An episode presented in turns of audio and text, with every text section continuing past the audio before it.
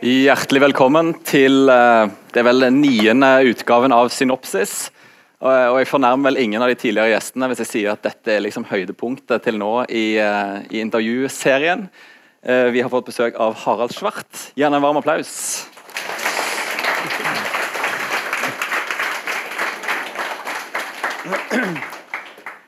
Jeg har en veldig lang liste med sånn nøyakt, hvor jeg skal liksom plukke hjernen din mest mulig for detaljer. Eh, så jeg har ikke tid til en sånn lang intro. Så jeg må bare begynne Når bestemte du deg for å bli filmskaper? Det er bra du sier filmskaper, for jeg synes det er så klysete med regissør. Jeg klarer ikke å skrive opp det Når jeg får sånn søknadsskjema hvor det står 'profession', så klarer jeg ikke å skrive hva jeg driver med. Eh, Da skriver jeg vel noe, bare noe tull. Men eh, jeg vet ikke Fra nå av kan du skrive filmskaper. Ja, altså for, fordi det som, er, det som er dekkende med filmskaper, er jo for så vidt at jeg syns det er gøy med alle, alle deler av en prosess. Jeg syns det er gøy med forarbeid, jeg synes det er gøy å skrive, jeg synes det er gøy å klippe, jeg synes det er gøy å flytte på props. Jeg synes det er gøy å male på settet. Henge opp Fredrikstad skjerf i bakgrunnen. Ja, for eksempel. Eh, så, så jeg føler meg litt mer som en sånn Jeg er ikke sånn som sier bare er regissør, eller hva det er for noe. Du sitter Eh, liksom i stolen med roporten og Ja, mer ikke, fremover. ja, nei, jeg liker mye mer å være med på det meste. Så Med respekt for andre fagfunksjoner, selvfølgelig, men eh, Så det var fint at du sa filmskaper. Det var, poenget mitt. Eh, nei, jeg begynte vel Jeg bare har alltid elsket film og, og musikk og, og ting som man kan gjøre for å underholde mennesker. Og det begynte vel med sånn vanlig som Super 8, som alle andre har begynt med. Og så animasjoner. Hvor gammel var du da? liksom? Åtte år var jeg da jeg lagde den første filmen. Ok, og Hvordan funker det når man har lagd liksom Super 8-film? Eh, nei, det er eh, kamera først. Og så er det lage en scene. Jeg hadde jo masse dukker og sånn som jeg animerte og holdt på. da Og så, så lærte jeg meg vel det selv. Eh, et bilde av gangen og holde på i ukevis og sitte på rommet. Og så måtte du vente på filmen ble framkalt? Ja, det var, liksom... jo, det var jo den magien som er litt borte nå. da Dette her, eh, Nå får man jo dailies Eller man ser jo Nå med digitalt så er det jo liksom Det du ser på skjermen, er jo what you see is what you get. Eh, Det er jo ikke mange årene siden Det var bare et par år siden. Den siste filmen jeg gjorde, var jo på film. Og da er det fremdeles den der lille usikre kjemiske prosessen imellom yeah. som faktisk laget en liten sånn magi eh, med bildene. Nå, nå har for så vidt digitalt blitt såpass bra eh, at eh, på den siste filmen nå så gjorde vi en sånn side om side-test. Ja. Hvor eh, nå Arri Alexa er helt der hvor 35 er. Bortsett fra i noen panoreringer så er det lukkeren ikke helt klarer å holde tritt, og så er det litt sånn høylys og lavlys. Er det noe igjen. Men uh, digitalt har virkelig kommet dit nå som jeg aldri trodde det kom til å gjøre. Ja. Men så er det da, altså når du står på settet og filmer, så er det du ser, er det du får. Eh, og det er akkurat den følelsen der som er litt borte, som, som jeg hadde som åtteåring, hvor, hvor du leverte inn rullen til fremkalling, og så gikk den til Danmark, og så gikk det over en uke før du fikk den tilbake, og den uken var helt sånn utrolig sitrende, spennende uke. Og så kom du hjem, da, så åpnet du den, så satt jeg nervøs med en sånn liten viewfinder, og så så jeg, åh, så funka det, liksom. Det var helt utrolig magisk. Og da satt du og klippte liksom Ja da, da klippet jeg jo Ja da, for det var jo litt ting som ikke funka, og la det rekkefølge. Ja, så da satt, og man klippet jo film fysisk før.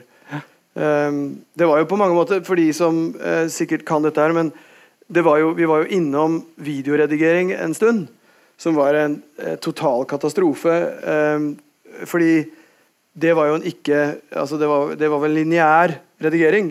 Mens film er jo på en måte en non-lineær redigering. Du kan jo ha en filmstripe, og så har du masse scener, og så kan du plugge inn en scene. ikke sant? Eh, men så gikk vi innom video i noen år. Altså man tok eh, ja, Du måtte rett og slett recorde i rekkefølge. Ja. Og hvis du skulle inserte en scene, så måtte du begynne å recorde alt på nytt Ja, igjen. sånn er ja. Stemmer det. Så det var jo et helvete. Og jeg husker når det var sånn derre det var sånn hallelujastemning rundt all videoredigeringen. Så tenkte jeg at dette er jo disaster. og så var det generasjonstap og alt mulig sånt noe. Um, og så var jo faktisk det som var det beste av video, var fremdeles ikke like bra som de gamle Super 8-filmene. Mm. Jeg har jo fremdeles eh, Super 8-filmer av min bestefar fra 30-tallet, tror jeg, som er helt crisp. Altså, som vi har skanna nydelig kvalitet. Så film er et fantastisk medium. Og det er jo sånn at alle filmer vi lager, blir jo lagret på en 35-kopi og lagret i et uh, vault uh, et sted. Så det fins alltid en print av filmen din. Hvilke, eh, hva slags hvelv er dette her? Ja, det, det er uh, Motion Picture Association. Ja. De tar alltid en eh, 35-kopi. ja, fordi det er ingen som vet ennå om digitalt overlever Altså, det er jo ganske sårbart. Y2K. Y2K, ja, ikke sant? Så, så det er eh, en, en venn av meg som heter uh, Guillermo Navarro, er en fotograf. Uh, han har skutt Pans Labyrinth og alle disse Hellboy og alle de der. Mm. Uh, vi har jobbet en del sammen. Han har stått i bresjen for å gjøre film til en Hva heter det for noe? Sånn treasure. at noe man må Hva heter det for noe? Kultur... Kulturminnevern, liksom. Ja, kulturminnevern. Ja. For at det skal For det, det som skjer litt i filmbransjen Altså Nå hopper vi sikkert overalt her, eh, beklager. det er et supert. Men eh, det som skjer litt i filmbransjen, er jo at særlig produsenter blir jo så nykristne på nye ting. Ja. Eh, enten det er en fet location, så plutselig skal alle filme i Sør-Afrika, eller så skal alle filme der. Så er det ikke noe spesiell grunn til det. Mm. Og, og dette skjedde med digitalt også, er at det, plutselig så var det det beste, uten at det var det beste. Og vi var en hel gjeng som kjempet mot dette her med digital eh, Altså, nå er det bra nok, Ja. men det var ikke det de siste ti årene, liksom. Men er det bare altså Karate Kid, den skutt på 35? Ja, alle mine filmer eh, Ja. som du refererte, bortsett fra 12. mann, som nå Da gikk vi over på fra 12., ja, da gikk vi over på Alexa. Ja, ok. Så um, Men da er du blant de liksom aller siste som har eh, holdt Ja. på med film? Jeg husker den siste filmen vi gjorde som vi gjorde i Canada. Da var den siste filmrullen vår var den siste som gikk gjennom Kodak-badet i hele Canada. Ja, okay, Og de stengte døren altså etter at vi var ferdig med filmen. Jeg hørte Boyhood, for eksempel, som er filmet over tolv år. Ja, ja. De, sleit, de sa at de fikk ikke reservedeler til kameraet på slutten av Nei, og hvis det er nerder her, jeg vet ikke om det er ordentlig Jeg tror her, det er veldig stor overvekt. Panavision er jo liksom uh, kameraenes Rolls-Royce. Mm. Um, og Panavision er uh, ikke interchangeable. Altså du har Panavision-kamera, Panavision-linser, Panavision eh, Alt er Panavision, ikke sant? Mm. Liksom som Apple. Ja. Og så, uh, hvis du vil bruke Panavision-linser, så må du bruke Panavision-kamera. Mm. Og når alle gikk over til digitalt, så hadde jo alle vi lyst til å kjøpe Panavision-kameraer. Og ha det liksom sjøl. Ja, og masse folk som bare sto i kø. og- det ville ikke Panavision, så de har destruert alle kameraene. Og det er sånn, Da sitter vi bare og sier Nei, men herre Jesus, det er jo galskap! Liksom. Det er, de ville altså ikke at den copyrighten eller den skulle da er det, Så det er litt sånn Det er en kamp. det Ja, og nå er det jo Det som det er rift om nå, er jo disse gamle linsene som har sånn scope-glass. Jeg vet ikke, Ja. dere jeg, jeg, Hvor detaljert skal jeg gå kjør på! inn? Kjør på. Altså eh, eh, Panavision Altså, hva heter det? Eh, Cinemascope, ikke sant? Eh, Anamorph heter det egentlig. Det er jo en linse Jeg vet ikke om dere husker de gamle westernfilmene. Så var det Under kredittsekvensen så var det sånn strukket, rart bilde. Er det noen som husker det? Det er jo ikke, det er bare noen med sånn lyst hår som jeg har, som husker sånt noe. Alle andre er altfor unge. Men det var i hvert fall i gamle dager så var det jo eh, Masse skjedde på filmfronten mm. med teknologi og Technicolor og sånn, som er et helt fantastisk fargespekter. Ja. Men i hvert fall det som skjedde var med widescreen, var jo at man satte en linse, en, rett og slett en sånn halvkule, som var en sånn glassplate som var satt foran, som da eh, strakk bildet oppover. Så, fordi du hadde jo en firkanta filmrute. ikke sant? Du hadde jo ikke en sånn filmrute, du hadde en sånn fil, firkanta filmrute. Så du måtte strekke bildet. Så du skulle bruke hele filmruta. Hele. Mm. Og så hadde du da en plussglass på kamera, på en måte, og så hadde du da et minusglass på projektoren. Så du strakk da bildet ut igjen. Tilbake Men Hvis du ja. så på filmen, så var alle liksom to, to ganger så lange som de skulle være. Ja. Og, men dette glasset, da gjør et, eller annet- Det er blitt så populært med sånne flares og sånn. ikke sant? Det Jeg så det denne Telenor-reklamen. Den var veldig mye Ja, det, flares. den er skutt med sånne gamle linser. Ja. Fordi du kan legge de, lin, eller flare, du kan legge de flaresene digitalt, Ja. Men det som er det fineste, er når det skjer optisk. Og det skjer da fordi at du har glasset foran på linsa, Mm. mens de moderne linsene har glasset bak. Så de gamle Da får du ikke den strekken får du- nei, før han går Nei, og da får du ikke den der skittenheten, da. For Ja, ja. Digitalt er jo så clean, så vi ser etter, ser etter ting hele tiden som gjør det litt mer organisk. Så disse gamle Kova-linsene, som er sånne japanske linser, Mm. de ble det utrolig rift om for tre år siden, eller sånn, tror jeg. Blant deg og tre andre. Nei, nei, blant meg og alle andre. ok. Eh, så, så vi hadde vel et Var det ikke vi hadde et på hånda sånn, i Beijing eller sånn, som plutselig da var 200 000, og vi liksom Ja, vi tar dem. Og så var de Nei, de var solgt for 400 000. Og så, så de er umulig å oppdrive nå. Mm. Så det er jo sånn nerdeting som Hvor begynte vi egentlig å Jeg, prate om dette? egentlig, jeg var på spørsmål én. Når bestemte er deg for å bli filmskapere? ja. Dette, Dette lover ikke godt. Vi har veldig god tid. Du har spurt feil mann om dette her nå. Når bestemte dere for å bli filmskaper? Var det Star vi, Wars-øyeblikket? Åtte år. Ja. Ja. Men var det Star Wars? Ja, Ja, Hva sånn gjorde Star Wars med deg? Ja, ja. Nei, altså, jeg var jo litt i tvil, fordi eh, jeg har jo en eh, far som er veldig kunstnerisk. Han er jo komponist og lege og sånn, og, så- og skjønte at eh, man må følge sitt hjerte. Så han sa jo alltid til meg at bare du får deg en utdannelse, så kan du gjøre det du vil. Bare du må ha noe solid å stå på.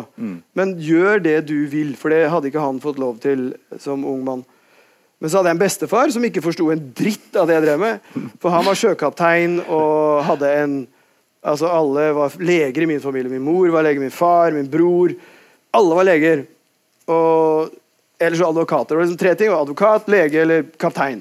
Og så husker jeg vi var så var Broren min og jeg var, han hadde gått langt inn i medisinstudiet, og jeg var på filmskolen. Og så var bestefaren min og jeg på en ferge et sted. eh, Og så, og så var det oss to, og så eh, broren min og jeg og han, og så sa han Her er min eldste sønn. Han er lege, sa han.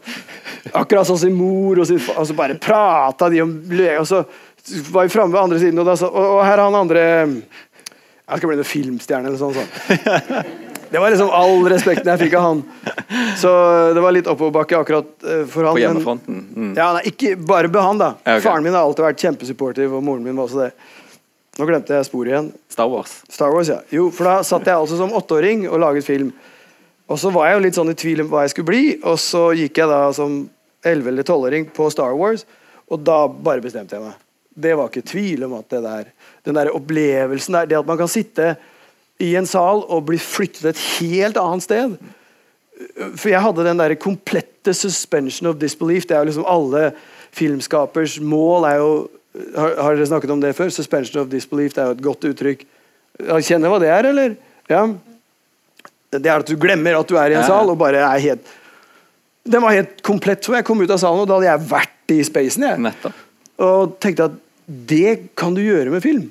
Du kan manipulere og du kan lage andre univers, og du kan gjøre det så komplett at du rett og slett reiser andre steder. Og det syns jeg var bare helt sånn utrolig fascinerende.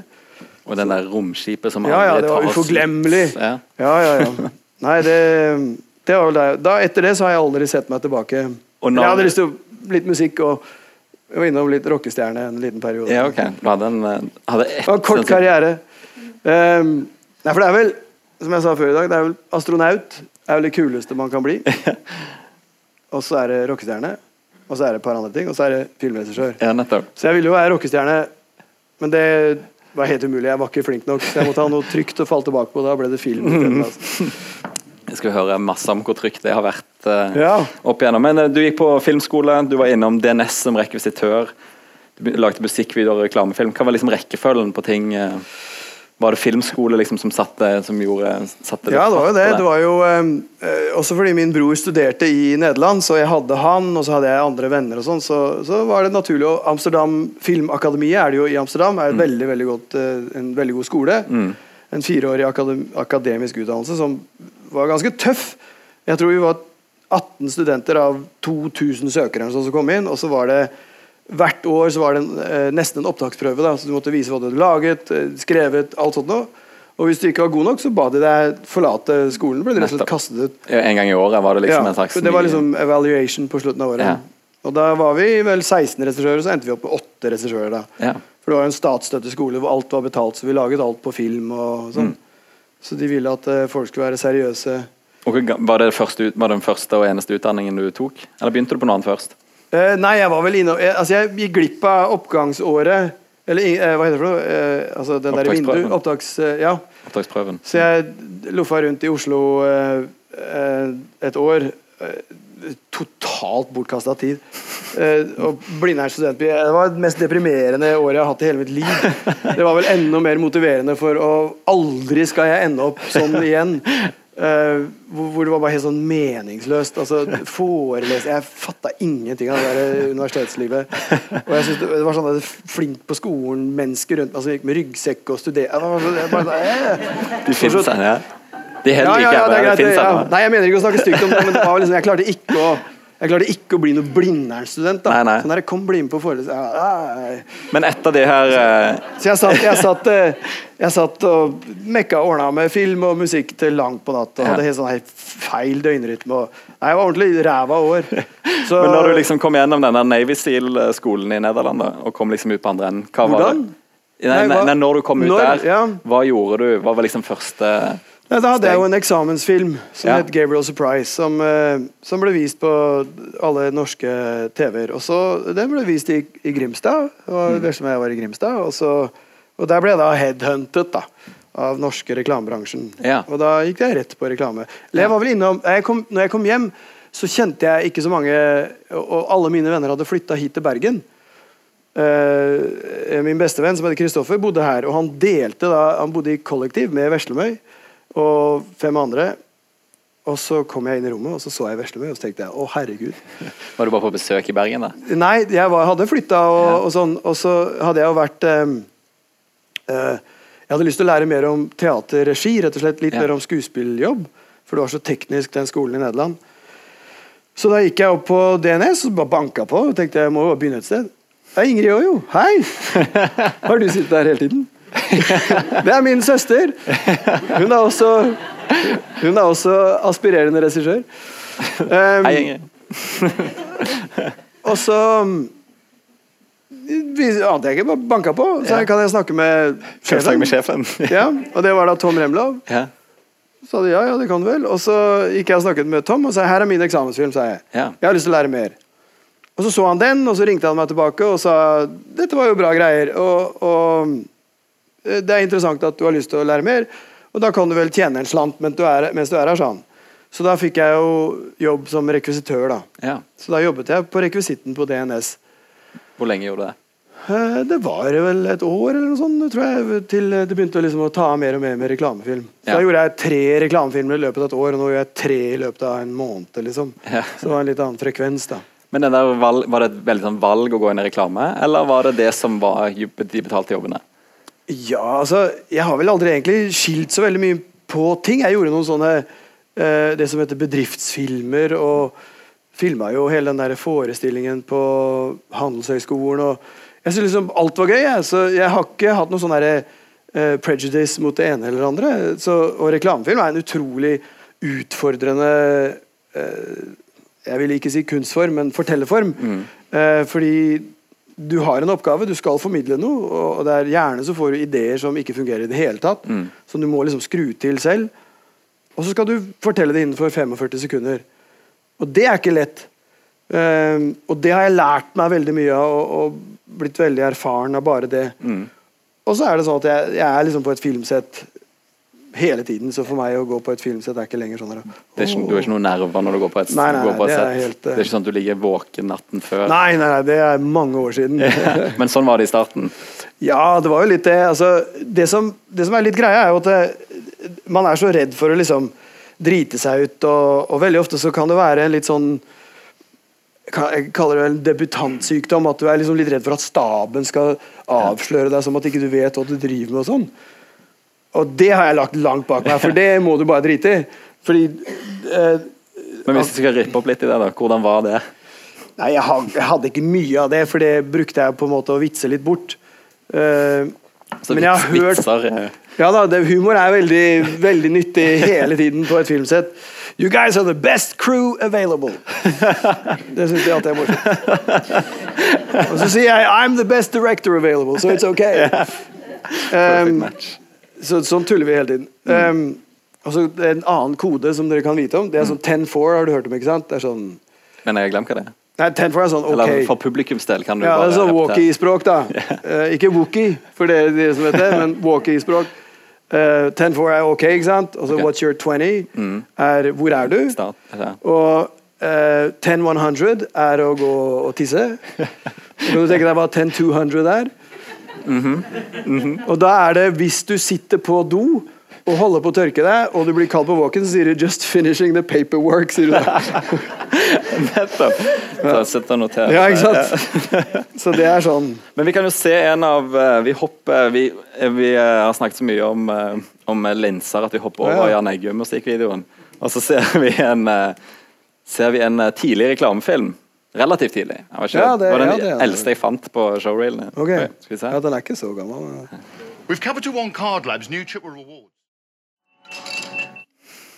Ja, de der har vi jo laget 40 ja, liksom. Ja, for dette er en føljetong som eh, Hva heter den? The Visigoths? Ja. Ja. Som er, hva er liksom konseptet? Nei, hele konseptet er bare at disse vikingene skal prøve å venne seg til normalt liv. ja. Og så gjør Capital One livet ditt litt Det er den delen av livet i hvert fall litt enklere. Ja. Så det er, Hvordan funker sånne pitcher? Er det du som kommer inn med Hvor mye er liksom på bordet? altså, pitcher er jo en helt egen del av, eh, av yrket vårt. Ikke sant? Det er jo det er sånn anbudsrunde er jo det egentlig. ikke sant? Ja.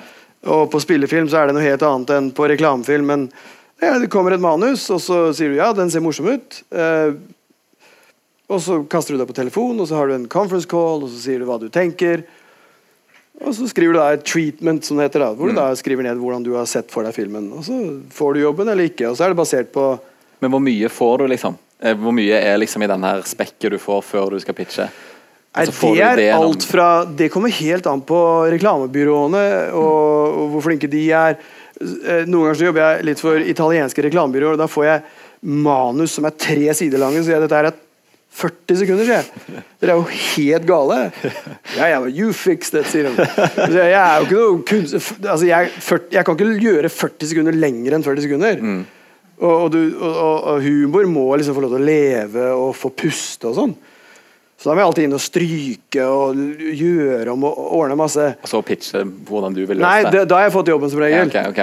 Eh, nei, når du pitcher, så det er alt mulig, da. Ok. Ja, ja, ja. det er ingen, ja, det fikser vi. Men var det du som kom opp med det her konseptet Visigoths? Nei, det var eh, eh, Det hadde pågått Det har gått i mange år, det der konseptet der. Ja, nettopp. nettopp.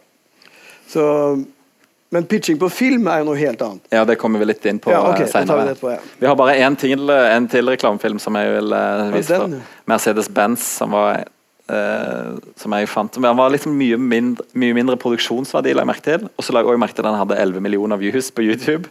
Og kom opp på veldig mye sånn topplister over uh, funniest commercials ever. Hello, I'd like to order french fries. Ja.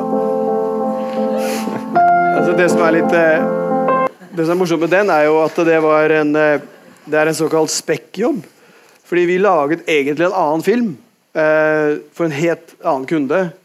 Og så var det, og det der er jo egentlig en vits. Jeg er ikke helt sånn kjempetilhenger av å filmatisere vitser, men det fungerer av og til. Eh, og da var det reklamebyrå som sa vi har lyst til å gjøre den. Og da, helt på slutten av dagen, når kunden da hadde fått sitt, så sendte vi de hjem. Og så løp vi inn, da hadde den location tilfeldigvis Vi skøyt i en kirke eller noe sånt, tror jeg. Og så var det tilfeldigvis Det er inne på prestekontoret med litt bøker og sånn. Ja. Så lagde vi den. Det er liksom stuntdama som er blond, og bak står min assistent og reklamebyrå. Så den lagde vi på en halvtime. Ja. Uten å ha noen kunder. Så da gikk ja, så, det så solgte vi det til Mercedes etterpå. da ja. Det skjer ofte at man gjør sånne ting. ja, nettopp. Men den vi egentlig laget, har vel ikke blitt sett av noen, tror jeg. Men den her har fått 11 millioner views. Det er jo litt morsomt. Det var en god deal for Ja, ja. Mercedes. Ja.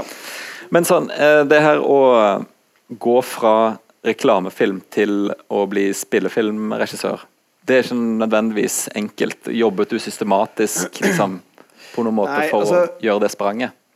Nei, og, og det er ikke om sånn skal sies, det er ikke mange som har føttene i begge leire. Det eh, det er veldig mange som er i den ene, og veldig mange som andre. Det er ikke så veldig mange som gjør akkurat begge deler hele tiden. Uh, så der er vi ganske heldige. Uh, men jeg hadde jo gjort kortfilmer og, og sånn. Så når eh, svenskene ringte og spurte om jeg ville gjøre Hamilton, så, så hadde jeg ikke gjort så mye reklamefilm den gangen. Nei. Men når eh, Spielberg ringte, da var det reklamefilmen han hadde sett. Ja. Og det var morsomt. Det var, det var sånn telefon man bare hører om, så man tenker herregud, det var veldig morsomt. Men sånn Og da, da, var vi, da var vi i LA, så Veslemøy og jeg vet, du, hadde vi lunsj. da, Spielberg og Veslemøy og meg. Ja, selvfølgelig. Og, så, og jeg fikk ikke sagt et eneste ord. Jeg satt bare og, og så på han, og Veslemøy satt og ja, det, og sånn. Og, for da holdt Veslemøy på med kriminologi. Og hadde et og annet å si om amerikansk fengselssystem. så, så du satt der og sa 'Du er jo venn med han Clinton'. Ja, det er jeg så. Dette må vi få fiksa. opp i. Ja, Ja. det er private prisons og ditt og datt, og, og jeg bare Det var veldig morsomt. Men når du, når du eh, med, litt tilbake igjen til det her og å ta sprang over til spillefilm, skrev du noe sjøl? Ja, vi skrev inn noe spillefilm. liksom Jeg ble egentlig spurt om å gjøre Hamilton før jeg hadde rukket å skrive noe særlig. Ja, okay. Så det var bare en, Jeg bare ble spurt om For de hadde vel sett noe jeg hadde gjort da, og likt og sånn. Så Ja, du vet ikke hva det var de hadde sett? Nei, det var vel en hel pakke av ting, da. Og Mm. så var det vel noen som hadde sagt at han der og Så tror jeg altså egentlig, for å være helt ærlig, at jeg var litt sånn eh, finansieringsalibi. Oh, ja. Eh, for jeg tror jeg var den norske potten, liksom.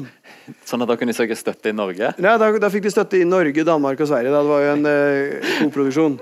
Nettopp. Så, for jeg skjønte etter hvert at eh, Så trivelig da å være liksom den norske Ja, ja, det gjør jo ingenting så lenge det blir bra. Men da, jeg skjønte jo etter hvert at eh, her var det folk med litt andre ambisjoner enn det Veslemøy og jeg hadde, i hvert fall. Ja. Fordi eh, de tenkte jo liksom ikke på det som en kinofilm. De skulle bare lage TV, de. Mm.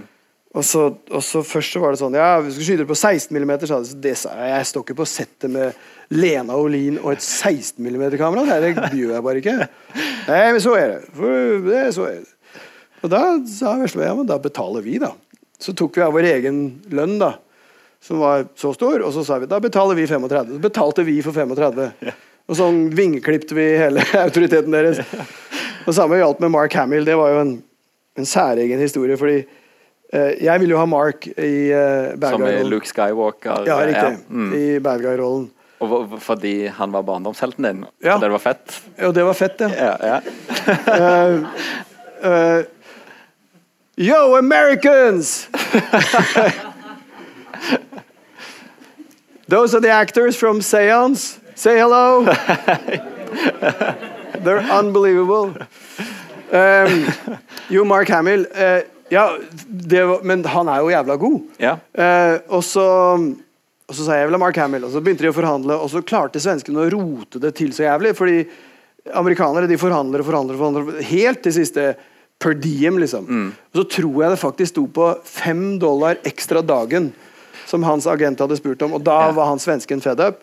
Fordi at det, litt, Og det sitter litt i veggene i sånn norsk produsent eh, og skandinavisk at det, det, nå har ikke jeg bestemt noe på en stund, så nå må jeg bestemme litt. Ja. Og den har du, da skal jeg bestemme det, og sånn dette har jeg bestemt. Og nå er jeg lei av å høre hva de har Nå skal jeg bestemme, og så derfor setter jeg strek. Nettopp. Nå, og, så, og det, er, det fikser ikke jeg i det hele tatt. Så uten å snakke med deg, så Ja, så, ja, så Det var- skjedde jo en dag vi hadde, Jeg hadde leseprøve med, med Peter eh, og, og meg, da, og så sa Peter Stormare, ja. Peter Stormare, ja. Og så sa han sånn tilfeldigvis eh, Hvem er det som blir Hawkins? sa han. Ja. Nei, det blir han her, sa han svensken. Så fikk jeg helt sjokk. Så Hvem i helvete er det der? Nei, han er jævla bra engelsk skådis. Han får jo si det Det er sånn helt utrolig. Det ville aldri foregått i USA. Nei. Aldri! Det er liksom Regissøren bestemmer alt. Ja. Og, og hvis produsenten har lyst til å gjøre ting, så gjør han i hvert fall ikke uten å ha Det er helt tabu. Ja. Men det er sånn, sånt gjør man her. Jeg har bare bestemt sånn. Og jeg ble fly forbanna. Så jeg, da bare går jeg. Og da var vi midt i produksjonen. Så det var jo Altså i preprodukt heller begynte å Nei, midt skyte i. Jeg hadde skutt i tre uker, vi. Oi! Ja, nettopp. Så, så, og det var på en måte mitt upper hand, da, for ellers hadde de sikkert bare sagt ja, gå, liksom. um, For da hadde de fått de norske pengene allerede. Ja, ikke sant? Og så var sikkert glad for å bli kvitt meg. Men eh, da ble jeg ordentlig forbanna. Og så, så sa jeg men du må jo skjønne at Mark Det var liksom fem dollar altså, De forhandler jo til du sier nei, liksom. Ja. For jeg snakka med Mark, og, og de hadde fått visum til sin datter. Og de, Oi, ja. de lyst, så jeg visste at de hadde lyst. Det var bare liksom snakk om å presse det så langt de kunne. Og da eh, krangla vi som helvete. Um, og så du må tenke, prøvde jeg å gå må tenke deg Mark Hamill. og Hvem sa du dette til? til produsenten, da. For ja. han satt helt fastlåst i sin egen avgjørelse. Og så Nei, det ville han ikke. Nei. Så da sa Veslemøy igjen ja, men da betaler vi for Mark. Da. Da hadde vi litt kanskje- igjen av regilønna. Og så og så kommer kom jeg neste dag med en sjekk på 400 000 og sa jeg, det der sender du til han engelskmannen. Og så sier du eh, han kan godt få lov til å komme over og spille ubåtkaptein. Vi kan finne et eller annet til han hvis han gjerne vil være med, liksom. Ja, ja. Eller så kan han bare få from 400 000. Ja. Men Mark Hamill skal jeg ha, sa jeg. Og da ble det sånn. Og han sitter en eller annen stakkars engelskmann som bare får 400 000 i posten. Han kom aldri, han ble Nei, nei, aldri nei, Han ga jo ikke det, han fikk jo bare 400 000 kroner. Han, så Ja, nettopp. Second perfekt for han, det. Og det som skjer litt, og, det, og dette er også sånn eh, litt sånn kulturkrasj, er Mm. at eh, kostymedama hadde funnet ut at hun måtte ha to uker i prep, Ja. ellers var det helt umulig. Og så var det òg lenge siden hun hadde bestemt noe. Ja, det kan du godt si. Og, så, og hun pressa på produsent, for hun var da i 50-åra. Ingen eh, forkleinelse av det eh, whatsoever. Eh, men, men hun hadde da makta, for hun var en av de flotte kostymedamene i Sverige. Ja. Så hun ringte jo ned denne produsenten og sa "Nu- nu har ikke jeg tid lenger. Jeg Jag vet ikke hva han skal ha på seg. Og så ble han jævla stressa, og det, var, og det er helt sant. Og det var derfor han liksom Nei, nå gidder jeg ikke lenger. Ja. For nå har ikke kostymedama de To to ukene hun trengte. Og det er helt surrealistisk. Og, og, og jeg sa ja, men han kan jo komme i Han kan låne min pysj!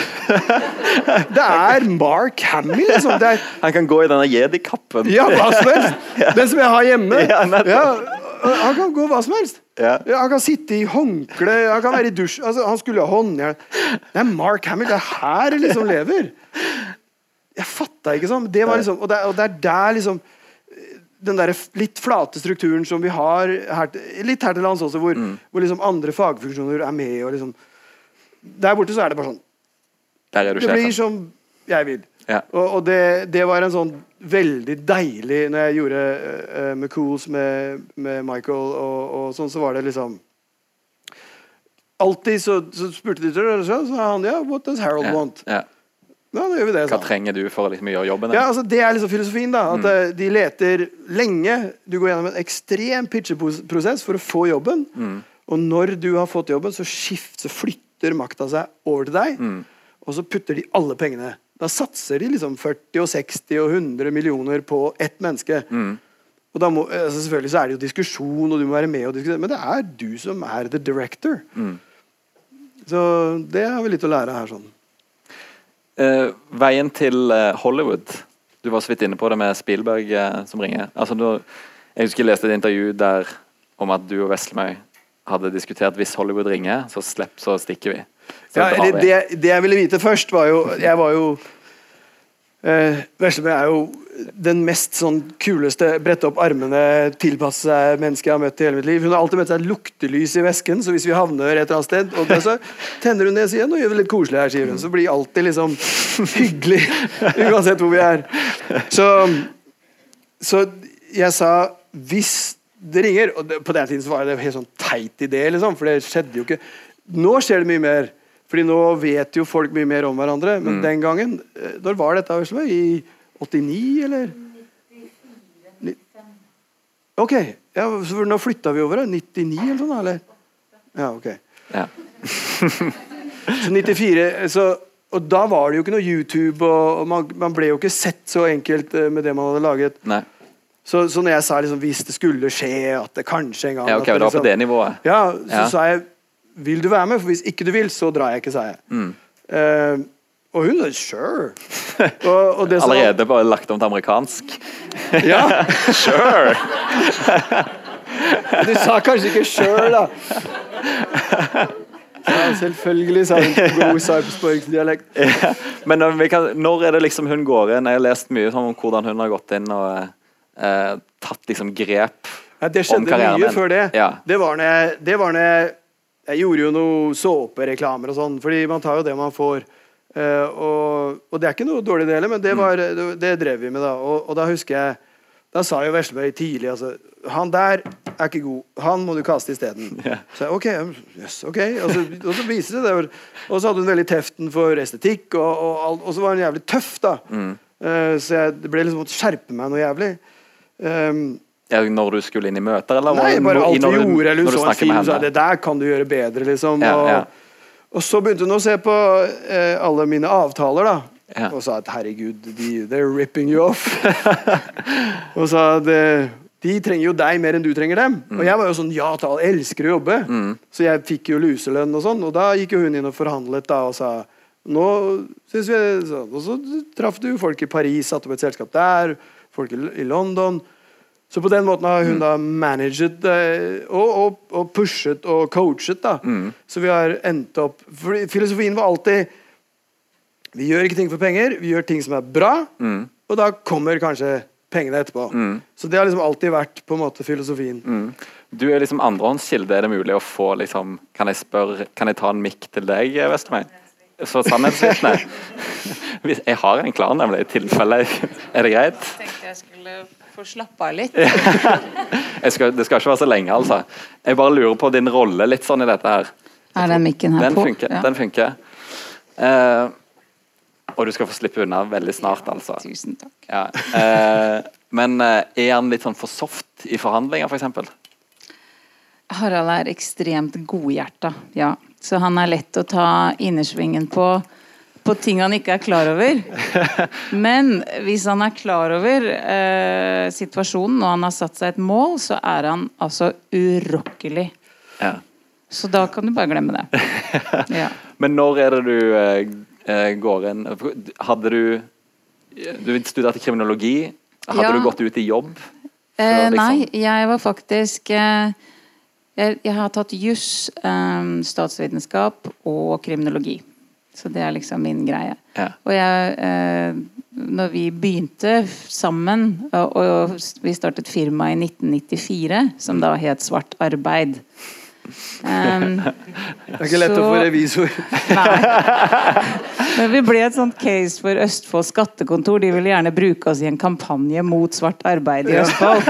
Så det var litt gøy, da. Men um, ja, vi, vi uh, Altså, det var liksom så ulendt terreng. Det var så uklart. Det var ikke noe organisert. Og det var eh, merkelig maktfordeling, eh, egentlig, i strukturen. Og uten at jeg visste så veldig mye om det, så, så kunne jeg i hvert fall se en dårlig avtale når jeg så det. Ja, I motsetning til han. Eh, ja. ja, Harald var kjempeglad for all jobb, han. Ja, han bare elska å stå på settet. Ja. Så da, i og med at jeg hadde litt mer distanse da, til disse gutta, gutteklubben Grei, som jeg brukte å kalle de, så kunne jeg bli litt vanskelig. Og så kunne jeg si at nei, nå har vi faktisk starta firma sjøl, så hvis dere vil jobbe med oss, så er det sånn. Ja, og vi har kontor her. Så Og vi vi har kontor her. Ja. Da, ja, så da måtte jo folk begynne å forholde seg til det. da Og det er vel kanskje den altså sånn Når man begynner for seg sjøl, så er man i andres nåde på mange måter. Mm. Men det hjelper å sette noen krav. Hvis du vet at det du gjør, er skikkelig bra, og, og de trenger det, så Mm. har du lov å sette noen krav. Og det var, eh, det var gøy å se at det ga resultat. Og sånn ble vi mer organisert, og jobbene ble mer organisert. Mm. Og sånn ble på en måte alt bare skrudd til til å bli bedre. Når du eh, eh, var 94, sa du der og starta selskap. Ja. Eh, den, du produserte denne Jan Eggum-videoen vi ikke fikk tid til å se. Ja, altså jeg var da på mellomfag i kriminologi. Ja. Um, og prøvde egentlig å holde meg til fakta og virkeligheten her i verden. Og, og holde fiksjon på en avstand. Men eh, når jeg satt med deprimerte tall og statistikker, så sprudla Harald i et hjørne med noen modeller. Og nei, det her er så gøy. Så det var vanskelig. Til slutt så ble jeg liksom dratt inn, da. Eh, og så spurte han eh, Da hadde Jan ja, Vi var kjempe Jan Eggum-fan begge to. Ja. Um, det var faktisk jeg som fikk Harald til å høre på Jan Eggum-tekstene. Sånn, du må ikke bare dismisse it, Harald. Du må faktisk høre på Jan Eggum. Ja, ja, han satt og hørte.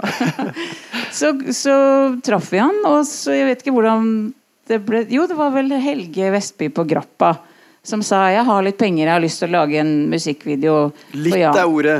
Ja, litt er ordet. Har, har du lyst til å gjøre den, Harald? Og da sa Harald ja, hvis Veslemøy hjelper meg. Så da eh, Jeg tror budsjettet var 25 000. Jeg husker ikke. 25 000 norske. Og vi fikk altså låne hovedpostkontoret i Dronningens gate. Eh, fantastisk svær sånn eh, mausolinisk bygning. 60 dansere. Og vi fikk all maten sponsa fra meieriet, husker jeg. Og vi fikk eh, Dr. Martens til å sponse støvler til alle danserne. Og Du sier vi hele tiden. Det var jo du som sto for alt det der. Altså. Jo, jo, men det ble jo Det var jo vi. Ja, Det var jo liksom ja, alt det var for en del produksjon. DNS-skuespillere òg. Var det bekjentskap fra, fra Bergen? Det Det var, det var dansere som vi hadde blitt kjent med litt sånn gjennom DNS og sånn, ja. Ja. Så, Så ja, det var et veldig ambisiøst prosjekt, så de fikk veldig mye video for pengene. fikk veldig mye Den video. havna jo, Eggum, Eggum havna jo på MTV. Eneste norsktalende video som Vi, ble jo, vist på vi har ett minutt av den. Vi, kan, vi rekker okay. å se ett minutt. Skal vi se. Den er jo veldig kul. Datert den nå, da, men Ja, ja. Dette er 93.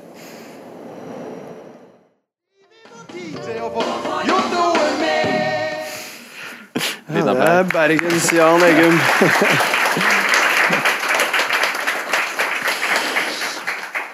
Den ble jo veldig mye video for pengene. Ja da. Og denne gikk på MTV. Ja, jeg tror du hadde én sånn hyggelig hyggevisning. Eller noe. Herlig. Men- når, når liksom Hollywood ringer, hvem er det som er i andre enden av telefonen da? Eh, da er det agent Ja. eh, som ringer og sier For det går alltid via Altså, jeg og min agent ringer hans agent som du snakker selv, altså Etter hvert så får man jo direkte linje med folk, men Mm. det er agent som ringer da. Og hva er liksom neste steg i Nei, da føyk vi over eh, uken etter. Og da traff vi jo Da hadde vi masse møter. Fordi det som skjedde, var at eh, min eh, showreel, som det heter, da, mine reklamefilmer, hadde da gått via vårt selskap i Paris til London, og da hadde det endt, hadde, som engelsk agent da, som jobbet i LA. Og da hadde han tatt med seg den dit, og så hadde han distribuert den, for det syntes han var fete greier. Og så i løpet av en uke så hadde vi da Fox og Douglas og Spielberg og alle de lina opp, da. Ja. Og det etter en uke etter at liksom agenten hadde Ringt, ja. Ja. Sånn, du må være her neste uke. Kan du være her neste uke? Sånn. Ja. sure. Anytime. Igjen med alle sammen. er allerede. amerikansk aksent. Altså, det, det skal sies at um, uh, jeg har en venn, jeg har Kristoffer, som bodde her i Bergen. Ja. Uh, han syns det er gøy med Amerika, og sånt, så han har litt sånn for moro skyld drev og søkte på dette green cardet, som jo er et lotteri uh, i Norge. Um, og det er, alle land har det. Mm. Men i Norge så er det såpass høy kvote, for vi er så få mennesker. Og så er det vel, Nordmenn er vel regna for å være et godt folk, tenker jeg. Så vi har kanskje høyere kvote enn andre land. jeg vet jeg ikke. Men i hvert fall, det er ikke så vanskelig å få det her til lands. Så han søkte, og så ringte han meg og så sa han skal jeg søke for deg. Og det var lenge før eh, Hollywood-eventyret begynte. Og så sa jeg ja, det må du da gjøre, sa jeg. Og så, for det var bare å levere inn en navn. Og så, så sa jeg Veslemøy, da. Så sa jeg sånn Veslemøy, skal du ha green card? og Veslemøy var sånn Hun sto på- ute i annet sted. Sure. Nei, det var igjen. Så- det sier jo du aldri. Uh, uh, ja, det er greit, sa Veslemøy. Og så jeg skrev opp Veslemøy. Og så var det hun som vant i lotteriet, da. Ja. Så plutselig sitter jo Veslemøy med masse sånn immigration-papir og tenker de svarte, skal jeg, alt, hva skal jeg med det her? Du har aldri tenkt å flytte til Amerika? Og så jeg, jo, det har du! Vi skal til Amerika, sa jeg. Hva hvis det skjer, liksom? Ja ja, ok, hva hvis det skjer? Så, for det er utrolig mye arbeid, da. Du må jo bo der en stund, og du Ja. må Ja, det er masse greier. Og så var hun jo midt i studier, og så var det jævlig mye jobb, da. Mm. Men uh, hun skjønte at det kunne bli viktig, så, så den dagen de ringte fra Hollywood, så hadde jo hun allerede green card. Ja, for du, ja, for du beholder det så lenge du er så og så mye i, Ja. i statene. Ja. Ja, så hun måtte jo reise over titt, eh, ikke titt ofte, men det, det går an, så får du utsette seg. Masse kompliserte greier. Uh, så når jeg da fikk jobb, så fikk jo jeg et arbeidsvisum Mm. som så flott heter um, Det er et O1-visum som heter Alien with Extraordinary Abilities. Det måtte jeg, måtte jeg lese flere ganger. Liksom, Alien with Extraordinary Abilities. Hva er, det, ja, hva er det de vet som ikke jeg vet? Um, og da hadde jo hun allerede green card. Ja. Så, og det var helt perfekt. Det har vært på en måte running. um... Ja, det har vel vært vår, vår lykkesstroke, altså Ja. uh, uh, flaks, da. For da starta hun selskap i LA med en gang. Mm. Eh, for hun tenkte vi må jo ha noe å leve av mens vi er her. Så da starta hun svart arbeid i LA. Mm. Og så fikk vi over da kunder, og, så da drev vi reklamefilm der. Sånn liv, livnærte vi oss, da. Ja, mens dere liksom venta på første Ja, for det er jo sånn ordentlige som skjer. ikke sant? Du kommer over, og så begynner du på et prosjekt, og så faller det fra. og så får...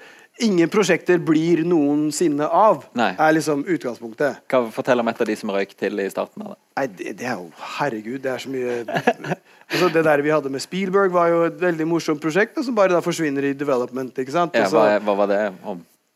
Eh, Hva var det for noe? Det var, The Teenager det var, en sånn humorfilm. Ja, for det ligna litt på min eksamensfilm om han Ah, som ja. kom tilbake etter at han var død og skulle fixe problem. Så det var ordentlig morsomt.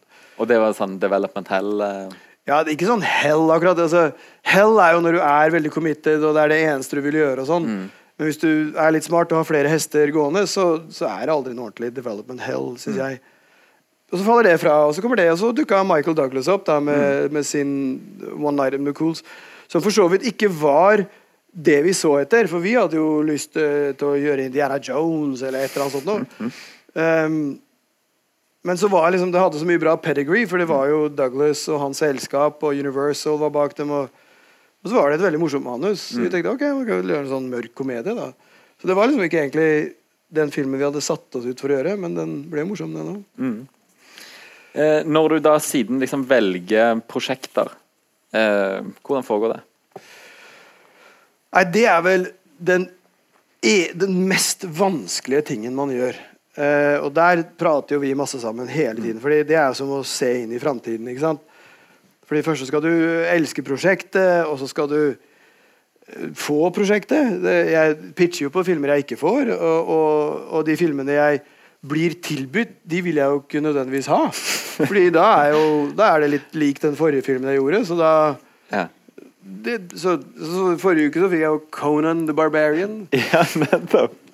Med liksom Arnold Ja, med Arnold, ja. Ja. Og så Conan du ja til. Years Later. Nei, jeg har takket nei til den. Hva? Det var kanskje dårlig, kanskje det dummeste jeg har gjort. Conan the Librarian. Kanskje vi skal tenke oss litt om. sånn. Conan the Librarian, ja. Det tror jeg jeg skal foreslå. I got. I got a better idea. Nei, men Eh, Leser du mye manus? Ja, da, er eller jeg leser eh, ikke så mye som agenten min gjerne vil jeg skal gjøre, for jeg Ok. er dårlig på å lese. Jeg er ikke flink til å lese. Eh, Jeg kjeder meg utrolig fort. Um, så jeg leser litt loglines. Og så Hva er en logline? logline er liksom det som står beskrevet i e-mailen du får fra agenten din. Ja. Her er, så ser du Er det en stjerne attached, så er det mye lettere Da er det et prosjekt som i hvert fall kan ha et liv, da. Mm. Um, og så står det sånn uh, Agent uh, Secret agent goes to Vegas to protect a Chinese treasure. Da sier jeg bare nei. This is not for Og så står det Jason Stratham attached. Står det. Og da sier jeg nei, det gidder jeg ikke. Um, Og så sier agenten are you sure? But it's Jason Stratham. Yeah, it's Jason Stratham! It's a go movie. Um, nei, og så, får man jo Av og til så får man ting som, som bare ikke har noe særlig pedigree ved seg, og så begynner jeg å lese, og så Nå leste jeg For noen uker siden leste jeg et manus som, som handlet om en ung gutt som uh, gjennomlevde sjelen av en krigs... En som hadde dødd under krigen. Som hadde litt, og jeg tror ikke en dritt på altså, Jeg snakka om seanse og sånn etterpå. Jeg tror ikke en dritt på det greiene her. Spirituelle og livet etter døden og alt sånn derre healing. Tror jeg ingenting på. Mm. Uh, men jeg synes det er gøy å sitte i en kinosal og tenke at det kanskje er mulig. Ja. Fordi det hadde jo vært fantastisk hvis det var mulig. Mm. Altså Hvis jeg kunne snakke med min avdøde mor Ingenting hadde vært bedre enn det. Så, så liksom Man har lyst til at det skal være sant. Og når jeg går på gata, så tror jeg ikke på det, men jeg sitter i en mørk kinosal, så har jeg lyst til å flytte meg litt mm. inn i Og denne filmen gjorde det på en utrolig sånn leken måte. Hvor du plutselig på slutten satt og tenkte jøss, det kunne jo faktisk vært mulig. Så da leste du hele? Ja, det, det bare leste jeg på no time. Det Ja. leste seg selv, nesten. Og, og da ringte jeg med en gang, og så sa jeg 'I'll engage'. Sa jeg da. Og det er liksom greia. Det er kodeordet når du svarer? 'engage', ja. Ja. Eller 'throw your hat in the ring'. Eller et eller annet sånt. Og, så, og da er det alltid en film altså, Noen ganger får jeg script som ikke jeg er tenkt til, Mm. eh, som, som jeg engager i, og Mm. så får de meg inn på et møte likevel, og så kan jeg få den. Eller, eller så er det ting som er sendt spesielt til meg, eh, men da ofte Ja. Så det er helt random. Ja. Jeg leste eh, om eh, og Du hadde sa om Pink Panther 2. Jeg fulgte en fast oppskrift og gjorde det beste ut av det. Og Ja. jeg hadde aldri fått gjøre Karate Kid hvis ikke jeg hadde gjort den filmen. Det høres ut som om du forsvarer Nei, jeg, jeg hadde Altså, ja, vi sitter jo noen ganger og lurer på eh, så, altså, Som sagt, det der valget av din neste film er det vanskeligste valget du gjør. For det, er, det, det får enorme konsekvenser. Um, det som Karate Kid dagen etter vi hadde åpnet 56 millioner Da var bare Det var fantastisk. Ja.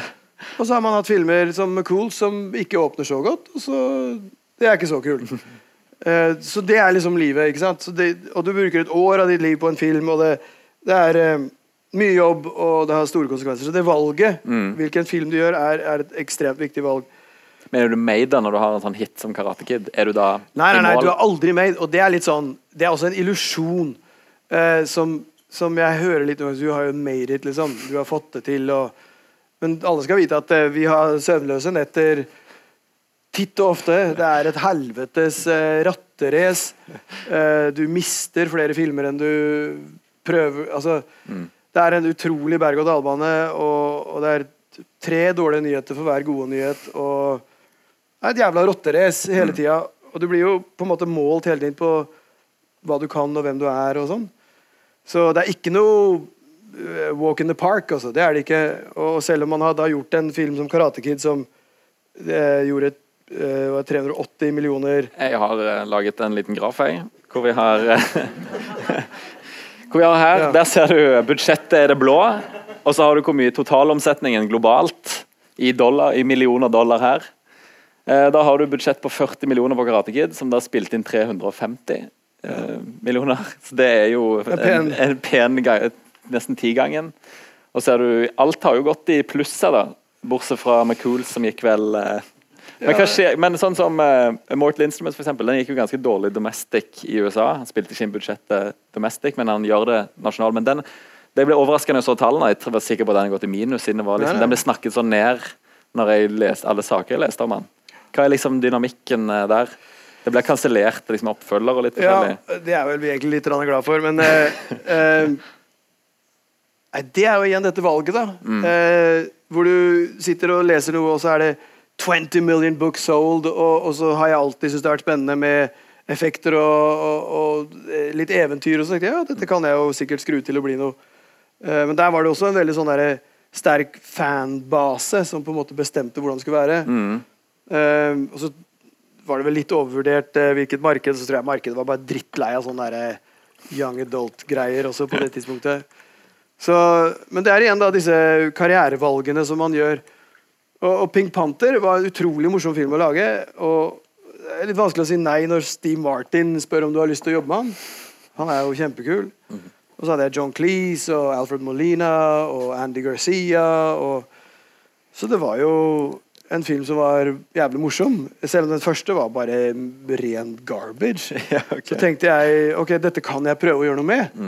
Og jeg husker Etter at vi var ferdig, så sa Steve at uh, It feels like a real movie. Han hadde liksom sett for seg at det var sånn vits, vits, vits, vits, vits mens jeg hadde i hvert fall forsøkt å lage litt bue i karakteren og sånn.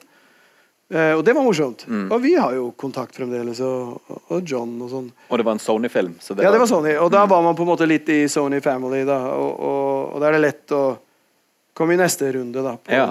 For da vet de at du i hvert fall ikke er en nutcase. Ja, for Eh, Dette er veldig interessant, for jeg fant et eh, den uh, Noe om nutcase? Meg som nutcase? Nei, nei, tvert imot. Skal vi se. Jeg Du graver dypt, så finner du vel det meste. det var hjem, Er det Another Film Company? Er det et reklame? Er det noen Another er min, mitt selskap i London, ja. Nettopp.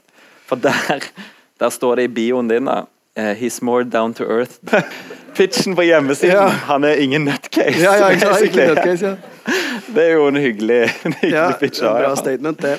Men er Eh, det, ja, det kom inn på budsjett, du er ikke gal. Er det liksom den nei, det, ting? Og det har jeg alltid vært flink til. Eh, altså, eh, behandle alle med respekt. works well with movie stars er Mm. jo en big deal. Fordi du skal kunne Du skal kunne Så jeg har gjort masse sånn celebrity commercials også. Eh, fordi når du først blir, blir sett på en som kan deale med movie stars, da, Ja. så er det et pluss i seg selv. For de har jo sine ting. Um, ja, du har vel hele Spice Girls i en sånn der ja, Polaroid. Spice Girls var morsomt. Um, jeg gjorde en um, jeg Kan jeg fortelle det? Ja, ja, kjør på. Sitter folk og kjeder seg, eller er det greit, eller? Nei. Uh, Spice Girls, det var rett etter Hamilton, det. Og så fikk jeg, fikk jeg beskjed om at du skal gjøre en eh, polaroid. Det var jo stort på den Polaroid, eh, tiden her, sånn. uh, Med Spice Girls. Og da hadde jeg vært i sånn der boble, Hamilton-boble, og Spice Girls jeg bare hørt så vidt om. Så dro jeg over til London, og så kom jeg inn i garderoben hvor de skiftet, da. Og så så jeg ikke forskjell på disse damene som uh, kledde på dem. Altså, jeg, hvem er som er Spice Girls her, liksom? Så er det er hun, og det er hun. Ok, så ble vi kjent, da. Uh, Men da var det i hvert fall eh, den, eh, hi- den reklamen handlet altså Polaroid hadde en hel kampanje som handlet kun om At du aldri så hva som var på bildet, du så kun reaksjonen til det som var på bildet. Eh, og her var det da Spice Girls som uh, var på en sånn uh, skole, jenteskole. Sånn streng britisk jenteskole. Og så blir de tatt inn til headmistress, og så eh, ser hun da på bilder, og så blir de sparka fra skolen. Og da ser du at det er Spice Girls. da. Så vi vant jo en pris vi for Best Use of Celebrity. For de var bare, de var bare med i de siste tre sekundene av filmen. Og ellers så var de bare så du ryggen av dem sånn. Men da husker jeg da hadde jeg en, en fantastisk eldre, sånn distingvert britisk skuespiller, sånn Vanessa Redgrave-aktig dame, som da spilte denne sjefsnonnen. Og så, så skulle hun da sitte og reagere på disse polaroidene. Og så hadde, så hadde vi bare sånne dummy-polaroider, da. Og så satt hun og reagerte og reagerte, og så fikk jeg liksom ikke akkurat den der reaksjonen jeg trengte. Så hadde jeg en helt sånn crazy grip. Grip er han som styrer Dolly, og de er gjerne litt tøffinger, for de holder på med store ting. og Alltid kule folk, veldig hyggelige, men de er litt sånn goth og tats og alt sånt. Og, og han Grippen her var helt, han het, kalte de bare for Mad Dog. Og hadde sånn utrolig filthy mouth. altså Alt han sa, var bare det ene stygge ordet etter det andre. Men så humor, da. Ja. Og så sa jeg Mad Dog, jeg trenger hjelpen din. sa Jeg Jeg må ha, jeg må ha et eller annet heftig. Og så, oh, sure. Det var kjempegøy. Så tok han med seg en assistent ned på dass, så døtta han en Maglite opp i rumpa. Og så tok vi bilder av Magliten som stakk ut av rasshølet hans. Og så kom de opp til meg, og så sa jeg OK, roll camera. Sa jeg, og så la jeg en sånn dummy polaroid oppå, og så hadde jeg da fire sånne rasshøl. og så og hun, hun var jo så proff, ikke sant? så hun ville jo ikke break character før kameraet hadde stoppet. Så hun satt da og så på disse camera action, og så, og så mens kameraet så gikk jeg og så bytta jeg så, ok, use these instead, sa jeg. Og så satt hun da «Å, ok. Og så, og så fikk jeg da akkurat den reaksjonen jeg trengte. da Og Den var helt ubetalelig. Det er sånn, You can't direct that shit. liksom Du må ha eh, autentiske ting noen ganger. Og så gikk det én etter og så sa hun I'm sorry, I can't do this. Bare, Men det var nok? Ja, det jeg fikk akkurat det ene sekundet jeg trengte. da Ja. Det er jo litt sånn Man må ty til noen ganger. Altså, det er eneste jeg har gjort det, da. Men det, det er noen ganger man må overraske skuespillere med å si én ting til dem, og så gjør du noe annet, og så får du spontane reaksjoner og Art- skremme dem. Og, Art by semi-accident. ja, Yeah. Misdirection heter jo det egentlig, da. Yeah, Så du forteller én skuespiller én ting, og så forteller du en andre som er on camera, noe annet. Yeah. Så, så snubler de litt, eller de sier et eller annet feil, eller så får du et sånt derre Jøss, er dette meningen? Ja. Aktig blikk. Og, og, og sånn Jøss, er dette meningen? Øyeblikk. Er et helt autentisk reaksjon. Det er, eh, og det er det du ser etter hele tiden. Du, du ser alltid etter ting som ikke er spilt. Mm. Eh, så sånne ting er veldig mye i reklamefilm. Fordi det er veldig ofte at det, du lager en film, og så er det noe morsomt som skjer, og så sitter kunden og sier I'm not laughing. sier jeg. Du kommer ikke til å laugh på det, men du kommer til å laugh på han som sitter og ser på det. Det er reaksjonen som gjør at du syns at noe er morsomt. Ja. Altså, John Cleese er jo liksom ekspert i deadpan-reaksjoner. ikke sant? Og det å være deadpan er veldig vanskelig. Det å være helt sånn blank er veldig vanskelig. Eh, mange skuespillere tror de kan det. Mm. Men det er liksom bare det der helt tomme blikket. Så det er veldig ofte jeg har starta kamera før jeg har sagt action. Ja. Så sitter folk og konsentrerer seg. Ja. Og det har blitt det blikket. da Nettopp. Så hvis du, hvis du tar liksom noe sånn crazy, og så tar du bare et sånt helt sånt tomt Mm. blikk, så blir det utrolig morsomt. og, og mye av grunnen til at det er morsomt, um, det er jo at du putter din reaksjon inn Så du er Mm. participating inn i den personens reaksjon. Med en gang skuespillere begynner å spille, så forteller de deg hva du skal føle. Mm. Så det er derfor sånn ordentlig subtilitet har en veldig god funksjon, fordi du aktiviserer tilskueren. Ja, ble mye Superinteressant, men vi må hoppe ja, det videre. er sant. Det er sant. Ja, veldig interessant, du, Svart, men eh, vi Nei, men vi, vi har så mye gøy vi skal innom. Uh, vi skal snakke litt Jeg beklager om hvis eh, jeg plaprer for mye om Vi må se en kjapp eh, trailer fra Karate Kid. Vi skal snakke om okay. Karate Kid. Welcome to Beijing.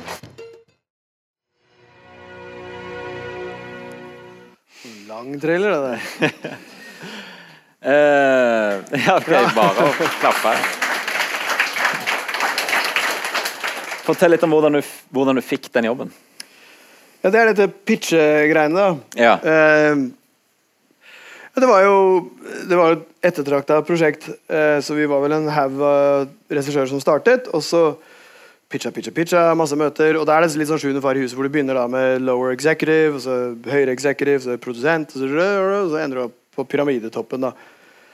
Og da var vi eh, Da var det meg og en eh, kar til som hadde egentlig mye bedre sånn, Han hadde gjort masse sportsfilmer, så han, han var liksom mer et selvfølgelig valg enn meg.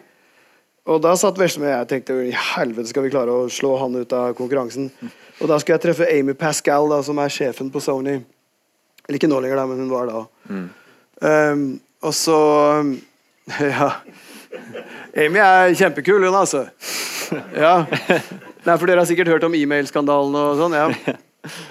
ja da, men det er litt sånn de snakker. Det er, hun er helt fantastisk dame. Veldig fi filmmaker-friendly. Og det er deilig å vite at de er på din side. I hvert fall skal jeg treffe henne. Og så, så satt vi og brainstorma. Altså, hvordan i all verden skal vi klare å kaste han andre tullingen ut av konkurransen? Og da var det liksom Jeg husker ikke hvordan vi kom på det, men det var liksom jeg tror du sa vis at du er liksom glad i å lage ting og filmskaper, og hun setter pris på filmskapere, liksom. For det er så mange Sannhetsvitnet komme inn igjen? Ja, jeg veldig Ja. gjerne. Ehm, eh, altså, Harald hadde veldig, veldig lyst på Karate Kid. Han var helt dårlig. Han gikk spant rundt på kjøkkenet. Og så, og så er det jo noe med det at du må rett og slett tilbake til kilden. Harald sier at hvordan skulle vi klare å kicke han andre ut? Jeg husker ikke at vi snakket om det i det hele tatt. gikk, skjedde oppi hodet mitt. Det, Det skjedde nok oppi hodet ditt. Men um, det var noe med bare det å finne tilbake til hva liksom ur uh, utspringet fra din kreativitet, Harald. Og jeg husket at han lagde så vanvittig mye i modeller og drev liksom og peila inn vinkler, og da kommer skuespilleren der, og så lyset der, og, og så skapte han magi inni et bitte lite univers. Et virkelig univers. Mm, et og på den tiden, ja, i et fysisk univers. Og på den tiden så var det veldig vanlig å klippe sammen ting for å presentere til executives i filmstudio, og alt var liksom bare da filmklipp i en liten sånn eh, Det ble som en reklamefilm, liksom. Men det var ikke noe fysisk. Ja, du kunne ikke diskutere eh, liksom løsninger Mm. på hvordan du ville at det settet skulle være. Og da husker jeg jeg sa til Harald Kan ikke du lage en modell da, Harald? Liksom, er det feil, plutselig? Å lage noe fysisk? Å! Der! Oh! Og før jeg visste ordet av det, så hadde han hoppa i bilen og bare kjørt til en eller annen sånn togmodellbutikk. Eh, eh, og kom tilbake med takplater og isopor og busker og trær og alt mulig rart. Og så begynte vi jo bare Etter at ungene hadde lagt seg om kvelden, så, så holdt vi på på kjøkkenet, og det var sånn sånn Altså det, ble, det ble en fantastisk liten verden i løpet av tre netter inni den lille modellen. Tre netter der oppe. Ja, ja. Ja, og det var det han trengte for å vise en visjon. Ja. Ja, så det ble jo da Så måtte vi sitte og bøye disse takplatene med hårføner og lim og Så fant Vesle meg på denne. Hun sa at du må jo vise et univers hvor moderne Beijing invaderer gammel Beijing. Så da var det hun som satt den derre stolpen bare tvers gjennom hans hage, da, for dette var Jackie sin hage. Og Og det ble jo da den stolpen som han drev og hang jakka si på, da. ja. Som satt- ble jo din wax on, wax off ja, eh, riktig, moment. som er en helt annen historie for seg. Men, eh, så, så dette her er da Da bygde vi jo da settet etter modellen vår, da. Så hadde jeg lyssatt det. Selvfølgelig. Og, så da, og da kom jeg inn til eh, da, Den var så stor, og så skulle jeg inn til eh, Amy. Da hadde jeg møte da med Amy Pascal. Og det er liksom sjefen på Sony Pictures. Hun er kjempebusy og sånn. Ja. Og så kom jeg inn, og så Og du hadde fått et kvarter, var det det? ja, nei, det var rett før møtet, så hadde hennes forrige møte blitt forsinket. Så yeah, you have 15 minutes with Amy, sa de. Og så tenkte jeg, det hadde lagt opp liksom et løp som var i hvert fall 40 minutter. Det, det, bare, det bare ødela alt. Så da slo jeg på lyset på modellen, og så gikk jeg inn i døren til Amy sitt kontor. Og så slo jeg av lyset i hennes kontor med albuen. Og så, og så så hun da denne, den der, da. Ja. Og da løftet hun opp røret og så sa hun eh, 'Cancel my next meeting'. og det var en jævla god følelse. Og da satt jeg da med den modellen og forklarte om hjertet i film. For det, det er jo ikke en sportsfilm, det er en film som handler om så mye annet. Eh, så da forklarte jeg om liksom da, dette hjertet i filmen, som er denne lille stedet hvor han bor, hvor alt foregår. Ja. Og da satt jeg da med da, denne bilen som har én lykt. Ja. Og da, som da igjen ble dette skyggeteatret. Det kom vi på da når vi lagde modellen. N- Nettopp. Som, Som da ble går den scenen der, ikke sant. Så, Så det, det er helt sånn reelt, det når du ja, da, arbeidet begynte i det som var tanken her, var at jeg elsker jo sånn eh, kinesisk ja. skyggeteater. Ja. Og, og så var det en måte de trener på, Ja. med sånne sticks. Ja. Og da tenkte jeg da blir jo det en metafor for skyggeteater. Så det, det kom da som følge av av denne modellen da, som vi hadde laget. Den fine høner. Det Ja, er høner veldig, og- detaljene. Ja, da. det er så mye bra. Ja da. Nei, så det var morsomt, det, altså. Ja. Og da, og da, da pælma vi han andre ut av konkurransen umiddelbart. Og da, var det, og da husker jeg da var jeg vel i Norge Jeg måtte til Norge, eller til eh, Paris. Jeg måtte et eller annet sted og gjøre en eller annen film. Og så landa jeg i Paris, og så fikk jeg beskjed Will wants to meet you. Og så må jeg bare rett på neste fly, fly tilbake igjen. Som er da Will Smith som var Ja, riktig. Ja, Ja. ja. Og det er da sjuende far i huset, ikke sant? Nettopp. Eh, så Så han var over Amy igjen. Ja, altså det er vel, du er vel egentlig bare Da er du silt ut. Da Ja. har Amy sagt 'dette er mannen', Ja, ja. og så hvis ikke du da er en nutcase, så, så får du jobben, på en måte. Så da traff jeg Will. Så det har blitt mange sånne dagsturer. Eh, til LA for, for å pitche. Hvordan var det å jobbe med superstjerner som Jackie Chan og Will Smith? det er jo helt strålende. Altså, eh, det har jo blitt noen stjerner etter hvert, og, og det er nesten Jo større de er, jo kulere er de. Altså, de er helt avslappa og Mm. kjempesøte og, og er jo blitt gode venner etter hvert. Og, Og proffe. Jada og ja, proff, ja, proffe, vil jeg tro. Ja, og det er det som er så deilig med de, er at eh, og Særlig en sånn som Will, som har sånn ekstrem work ethic. Mm. eh, at det er kun prosjektets kvalitet som er viktig. Mm. Eh, det er ingenting av det vi snakket om i stad. Så nå har du bestemt noe, så nå jeg skal Fins ikke. Mm. Eh, det eneste som er viktig, er prosjektet. Så hvem som finner på ting, eller hvordan man diskuterer, det spiller ingen rolle. Du kan gå motsi han og være helt uenig, og du krangler. Og det viktigste er prosjektet. Så vi jobbet jo evigheter med manuskript. Vi måtte jo finne på alt det der kung fu-greiene. Fordi vi hadde jo masse møter, da. Det er veldig grundig, og vi hadde masse møter med kinesiske eksperter og professorer. Og så satt vi da med disse folka som var fløyet inn fra steder. Okay, just tell them what's the secret of kung fu. Så hadde de, I don't know, there's no What? There's no secret. There's this or that. Or, så vi måtte finne på alt det der kung fu-greiene. da. Så måtte vi lage liksom stille vann og slangen og For jeg, det jeg visste, var at eh, skulle jeg lage en ny, kung, eh, ny Karate Kid, så kunne det ikke være liksom en bevegelse som gjorde at han vant. Nei, det, Det måtte være en eh, emosjonell, altså det måtte være en mental elevation. Mm. Eh, og da eh, fant vi på dette her med denne slangen. Og for, for den første eh, kung fu-masteren jeg møtte, han sa For jeg spurte om stands og alt mulig sånt, og så sa jeg sånn jeg, Det jeg gjør, er bare å stå sånn, for, fordi jeg inviterer deg inn into my peace. Sånn. Mm. Pluss at I'm not giving away anything. Altså, du vet jo ikke hva jeg skulle Så det var litt sånn og så etter at vi hadde snakket i 20 minutter, sånn, hvis du har lagt merke til det, så har du sittet og vippa på hodet sånn hver eneste gang jeg har vippa på hodet. sånn. Og så jeg, damn, sa jeg. Det er jo helt sant. Der var liksom greia. Og da lagde jeg den der med slangen som vipper, og at det var i hvert fall en eller annen mental elevation. da. Og så var det denne jakka, for det var den store nøtta å knekke. Hvordan lager man wax off og wax on? Ja. Um, så, og da var jeg jo i Beijing, og så traff jeg Jackie. Og så hadde vi middag og prata lenge og hyggelig, og, og han er også en utrolig hyggelig kar. Og så satt vi og pratet og sa jeg trenger jo et eller annet her. Og sånn, ja, men det er liksom Bare jeg tar av meg jakka og henger den opp på en knagg, så er det fire moves allerede der. sånn. Og da var det OK, der er den. Og da tenkte jeg, hvis vi da rygger tilbake eh, og gjør da dette jakkegreiene til et problem At mor er liksom sånn Nei, men nå må du i helvete se å henge opp jakka di, da. Så det er på en måte Da lurer du publikum litt. Da skjuler du på en måte hele greia. Så det kjentes først ut som en sånn At han irettesetter han, henger opp jakken ja, han får liksom en leksjon Du skal, må gjøre som mora di sier, og henge opp jakka di. Mm, Og da klarte vi å skjule det. Og da hadde jeg på en måte løsningen. Ja. Og da var den store bøygen Da var å overtale studio til at vi skal ha 20 minutter med ta av jakke, henge opp jakke.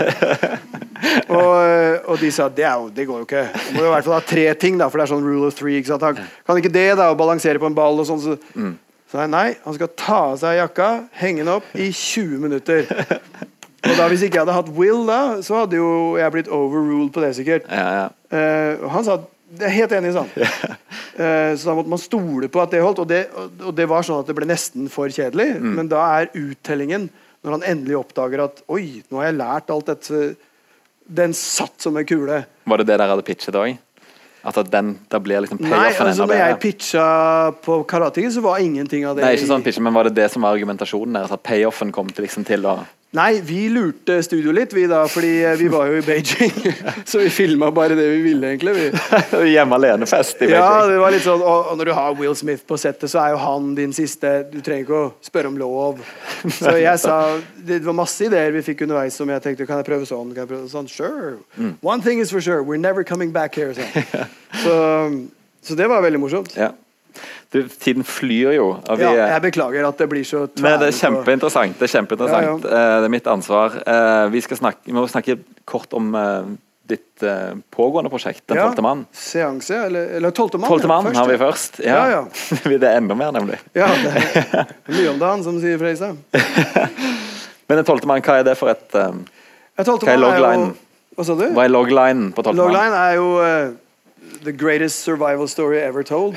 Nettopp. Um, og det har jo til og med vært i New York eh, Times, så var det jo en artikkel nå for ikke så lenge siden om Jan Baalsrud. Mm. Det er jo vår nasjonalskatt, Jan Baalsrud.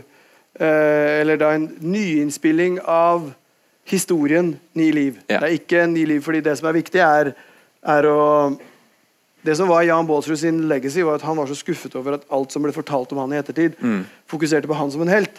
Mens han syntes at det var de som hjalp han, som var helter. Så det har vi nå fokusert på. Så vi har da en ja. Og vi har en Du kan jo introdusere den her ja, en, teaseren vi eh, skal vi se. filma jo en uke, så vi klarte å klippe sammen en uh, Ja, teaser. dette er bare en ukes arbeid. Skal vi se her. Ja.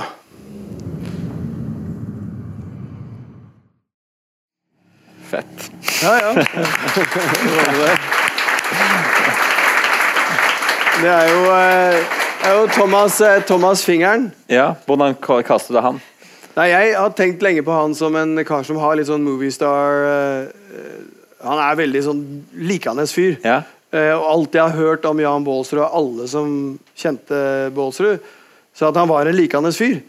Uh, så jeg trengte en fyr som var likende, eh, ikke en skuespiller som spilte. Og det, Stor forskjell. det, ja, og det syns jeg mange av disse skuespillerne De spiller sin casual jeg, liksom. Mens Thomas er bare et utrolig vinnende vesen. Og så ser han litt sånn fysisk ut som Jan. Det var jo en oppoverbakke, da, og han har vært gjennom masse tester og sånn Ja. før, før jeg fikk nordisk om bord på det. Mm.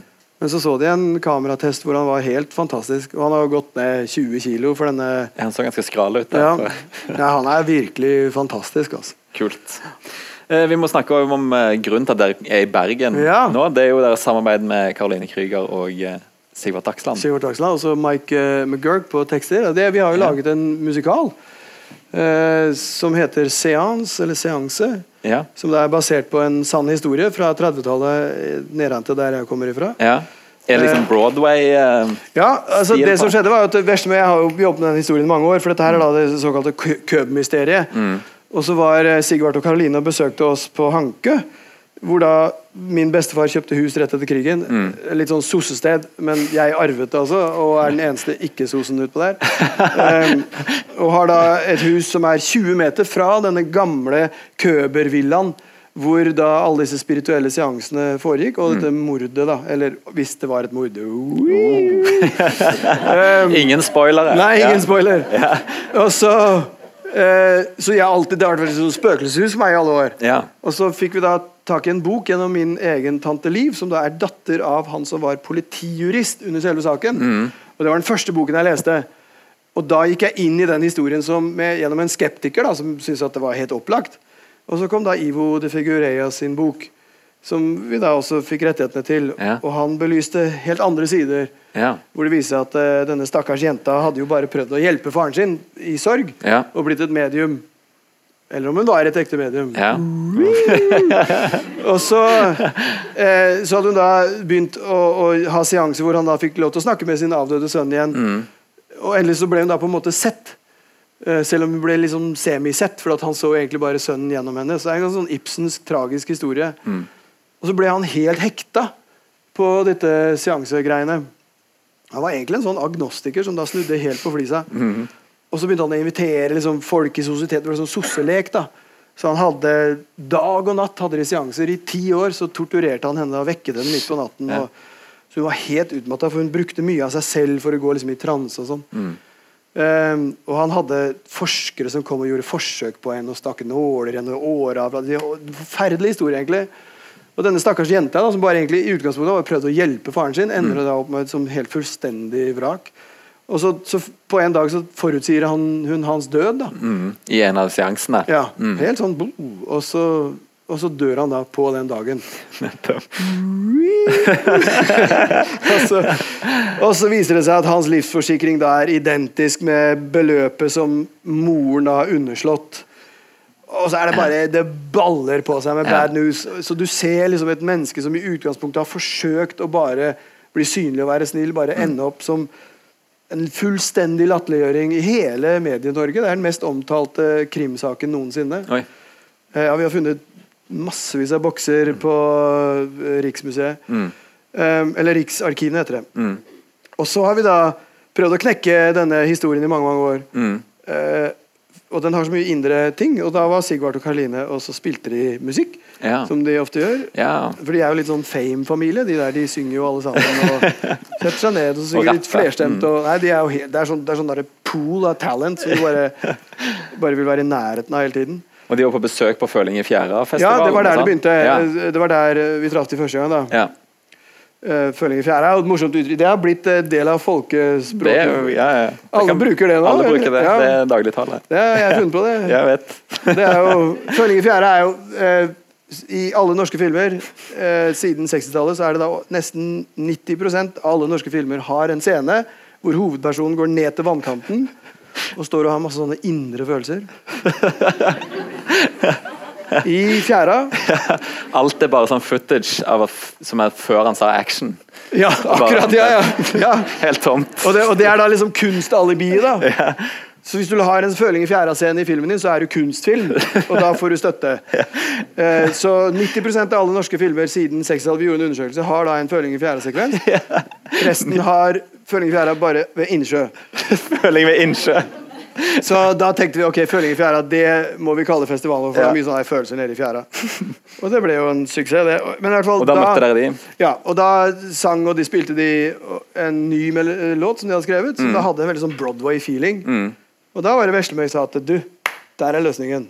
Vi lager en musikal, rett og slett. Nettopp. Og det er nå fem års arbeid som nå skal presenteres i morgen, så vi er jo drittnervøse. Ja. Vi har hatt prøver. And the Americans here are flown in from LA. Give them a hand. Hey!